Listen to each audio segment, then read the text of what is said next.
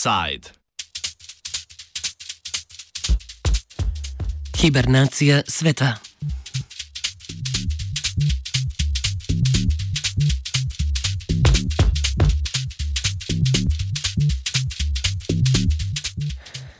Države po vsem svetu sprejemajo ukrepe za omejevanje javnega in poslovnega življenja, zaradi česar so gospodarstva v veliki meri obstala. Gospodarska kriza, ki jo je povzročila epidemija novega koronavirusa, je prisilila države, da posežejo na trg in s tem zavarujejo podjetja in socialni položaj državljanov. Voditelji, državnic, voditelji držav članic Evropske unije so že potrdili predlog Evropske komisije, da je treba članicam omogočiti večjo javno finančno prožnost, ki bo omogočila različne oblike pomoči podjetjem in posameznikom. Prav tako je komisija začasno prekinila veljavnost še do nedavnega nedotakljivega fiskalnega pravila o omejevanju zadolževanja za vse države članice in predlagala rešitve pri usmerjanju kohezijskih sredstev na najbolj problematična področja.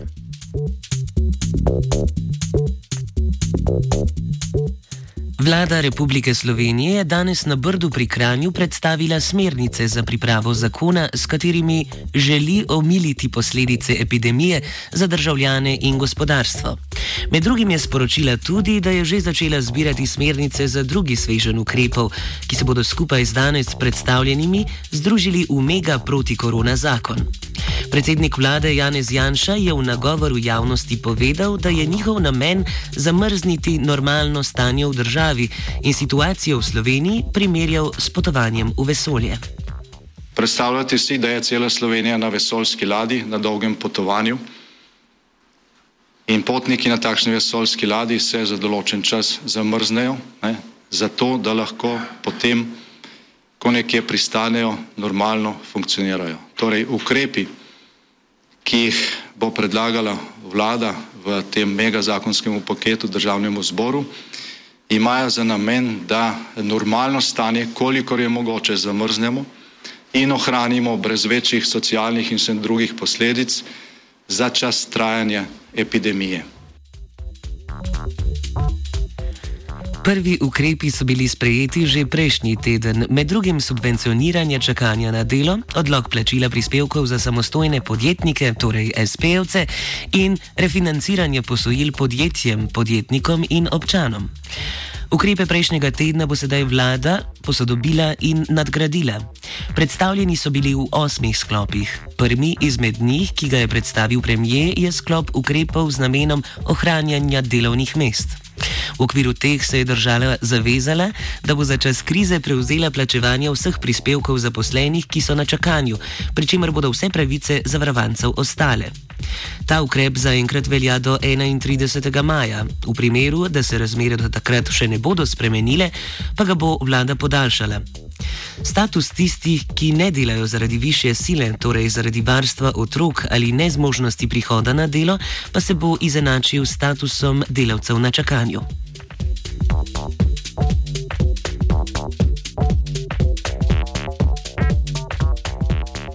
Med kopico predlaganih ukrepov so tudi nagrade za nevarno delo v času epidemije, solidarnostni dodatek za upokojence z najnižjimi pokojninami in pomoč za nosilce kmetijskih gospodarstv. Potem, ko je vlada minuli teden plače ministrov in sekretarjev uvrstila v najvišji možni razred, sedaj znižujejo plače vseh funkcionarjev za čas trajanja epidemije in sicer za 30 odstotkov. Znižene bodo tudi sejnine in denarna nadomestila nadzornikom družb v neposredni ali posredni državni lasti. Pravosodju to vrstnega ukrepa vlada ne more zapovedati, a ga je vseeno predlagala.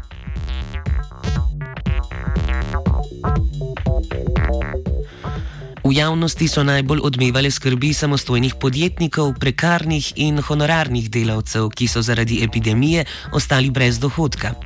Alpe sporoča, da se je marca več samostojnih podjetnikov odločilo za prenehanje dejavnosti, nimajo pa podatkov, v kolikšni meri je za to kriva zdravstvena kriza. K temu je nedvomno v veliki meri prispeval tudi mok vlade in ministrstv glede njihovega statusa, saj do danes ni bilo danih nobenih indicov, kaj šele obljub, da bo za SP-ovce poskrbljeno. Samo zaposleni, ki bodo z izjavo potrdili, da so zaradi krize prizadeti, bodo na podlagi predstavljenih ukrepov upravičeni do izredne pomoči. V tem času bo vse prispevke za nje v pokojninsko in zdravstveno blagajno nakazovala država. Poleg tega bodo do temeljnega dohodka v višini 70 odstotkov minimalne plače upravičeni tisti, ki ne morejo opravljati svoje dejavnosti ali jo opravljajo v zmanjšanem obsegu. Borut Brezer, predsednik Gibanja za dostojno delo in socialno družbo, pravi, da so zadovoljni z ukrepi vlade na področju samozaposlenih, jih pa skrbi za skupine delavcev, ki bi lahko bile pri tem izuzete. Vedno skrbi to, da je država, da je vlada praktično vlada z ministri in premijem na čelu še vedno ima močen vpliv na proračun. Trenutno proračun v državi ne velja in vlada prosto razpolaga z velikim delom proračuna. To nas zelo skrbi. Brezer dodaja, da bi se morale urediti tudi bolniške odsotnosti za samozaposlene, ki imajo sedaj pravico do plačane bolniške šele po 31. Delovem, delovnem dnevu. To je področje, ki je bilo problematično že pred izbruhom epidemije. V tem času pa so se še posebej pokazale nepravilnosti. Predlog tukaj je, da se um, samozaposlenim uh, omogoči. Um, um, bolniška odsotnost, plačana bolniška odsotnost od prvega, uh, od prvega dne uh, bolezni. Torej, um, tako kot je pri zaposlenih, torej če zbolijo, um, že od prvega delovnega dne jim delodajalec plača, uh, jim delodajalec plača um, bolniško odsotnost. Eh, mi zahtevamo eh, podobno, samo da v primeru samozaposlenih bi to moralo iti v breme um, Zavoda za zdravstveno zavarovanje Slovenije. Um, menimo, da, da je ravno ta epidemija pokazala, kako potreben je ta ukrep. Namreč, če še vedno v času epidemije, če samozaposleni zboli, uh, še vedno ni upravičen do, um, do plačene bolniške odsotnosti. Širši pogled v krizno gospodarsko stanje sveta in Slovenije je predstavil Bogomir Kovač, profesor na ekonomski fakulteti v Ljubljani, ki je začel s komentarjem vladnih ukrepov. Eh, zdaj, ukrepi, eh, ki so bili pripravljeni v tem tednu dni, nekako sledijo usmeritvam tudi iz eh, drugih držav. Najprej gre za oceno stanja, koliko gre za mesec, dva ali tri takšnega ustavljanja proizvodnje, gre namreč eh, za tako imenovani ponudbeni šok, kot ga mi imenujemo, ki je uh, simetričen, pomeni, da prizadane bolj ali manj uh, celo vrsto dejavnosti, nekatere seveda še toliko bolj, druge nekoliko manj. Ni mogoče reševati zgolj z strani popraševanja, ampak seveda bo na daljši rok potem potrebno tudi razmisliti, kako in na kakšen način reaktivirati uh, gospodarstvo.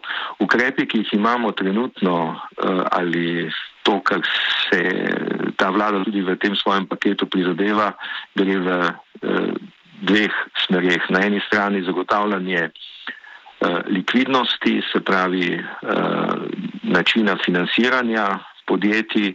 To je sicer nekaj, kar bo šele omogočeno v okvirih uh, Eh, delovanja finančnih eh, institucij, kot so banki in tako naprej, in na drugi strani se koncentrira predvsem eh, na finančne nadomestila za ljudi, ki trenutno ostajajo brez posla, brez dela, ki so na čakanju doma ali ki imajo drugače omejene možnosti.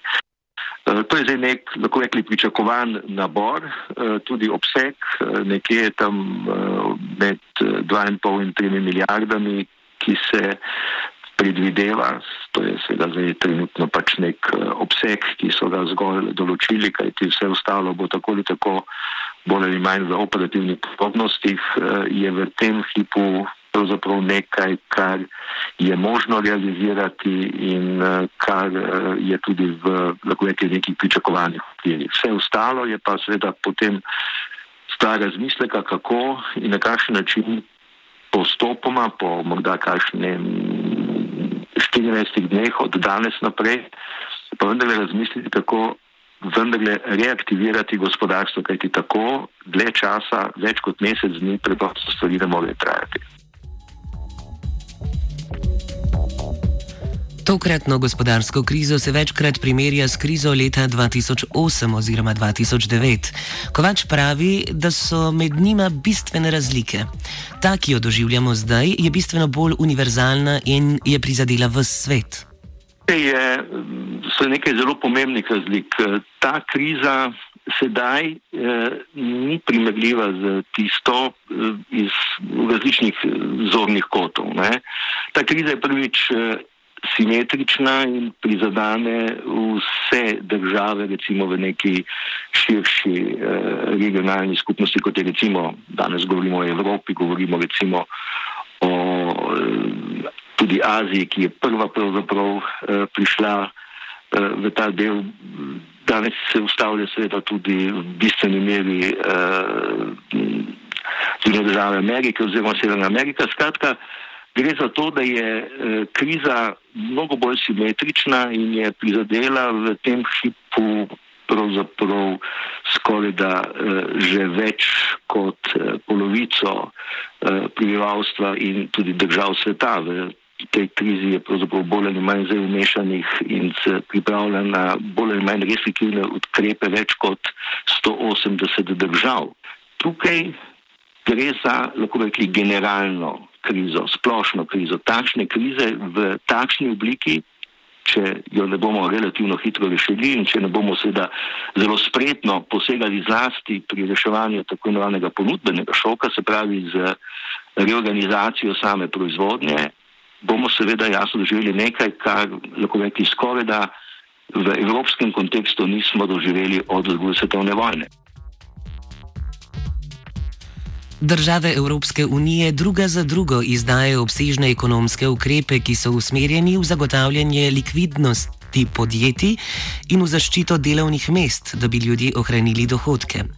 Kovač o stanju v Nemčiji, ki je največji dejavnik pri tem, kako gre slovenskemu gospodarstvu, saj je znaten del izvoza namenjen prav tja. Nemčija je tokrat uh, se pripravila uh, na najhujše in uh, seveda uh, na zelo veliko ustavitev proizvodnje, tudi uh, predviden paket uh, ukrepov, tudi z uh, možne finančne strani je skoraj da nepredstavljiv, uh, segal naj bi celo do 1200 milijard. Ampak eh, tisto, kar je za nas pomembno, je to, da se bodo zagotovo v naslednjih eh, mesecev ali dveh začeli bistveno ustavljati eh, izvozni tokovi. Namreč eh, Evropa v tem hipu nima odgovora, kako in na kakšen način eh, oskrbeti eh, blagovne tokove, ne zgolj tekoče, temveč tudi kako prilagoditi proizvodnjo eh, na nove pogoje.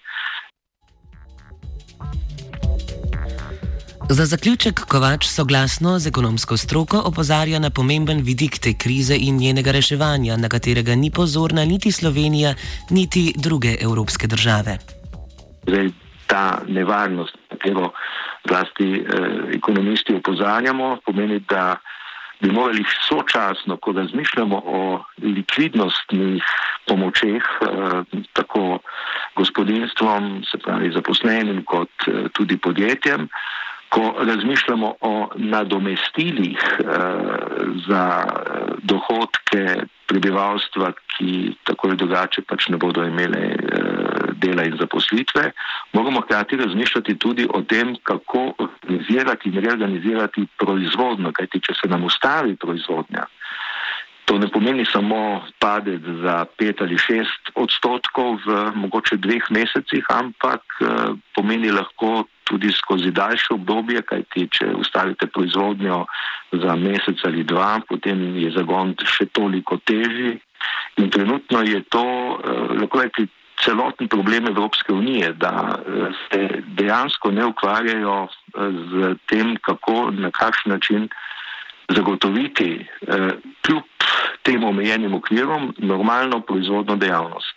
Jasno, prizadetost uh, majhnega odprtega gospodarstva, kot je Slovenija, bo v primeru, da se na evropski ravni ne bodo uh, hitro reorganizirali tudi po tej plati, spali kako odpravljati ponudbeni šok, kako na nek način zagnati proizvodnjo in jo prilagoditi tem novim razmeram v naslednjih šestih mesecih, bo lahko uh, padec uh, BDP-ja, gospodarske rasti in seveda celotne uh, gospodarske dejavnosti in seveda s tem tudi povzročene socialne in družbene krize nekaj, kar preprosto potem ne bo mo mogoče sanirati s tem relativno preprostim naborom ukrepov, s kakrim je danes pravzaprav posegla vlada oziroma uh, so danes predvidljive in predvidene tudi v ostalih državah Evropske unije. Ministrstva morajo ukrepe iz teh smernic v obliki zakonskih rešitev posredovati vladni službi za zakonodajo najkasneje do četrtka do 23. ure. O preostalih smernicah v jutrišnjem dnevno-informativnem programu Radio Student. Offside je pripravila Aida.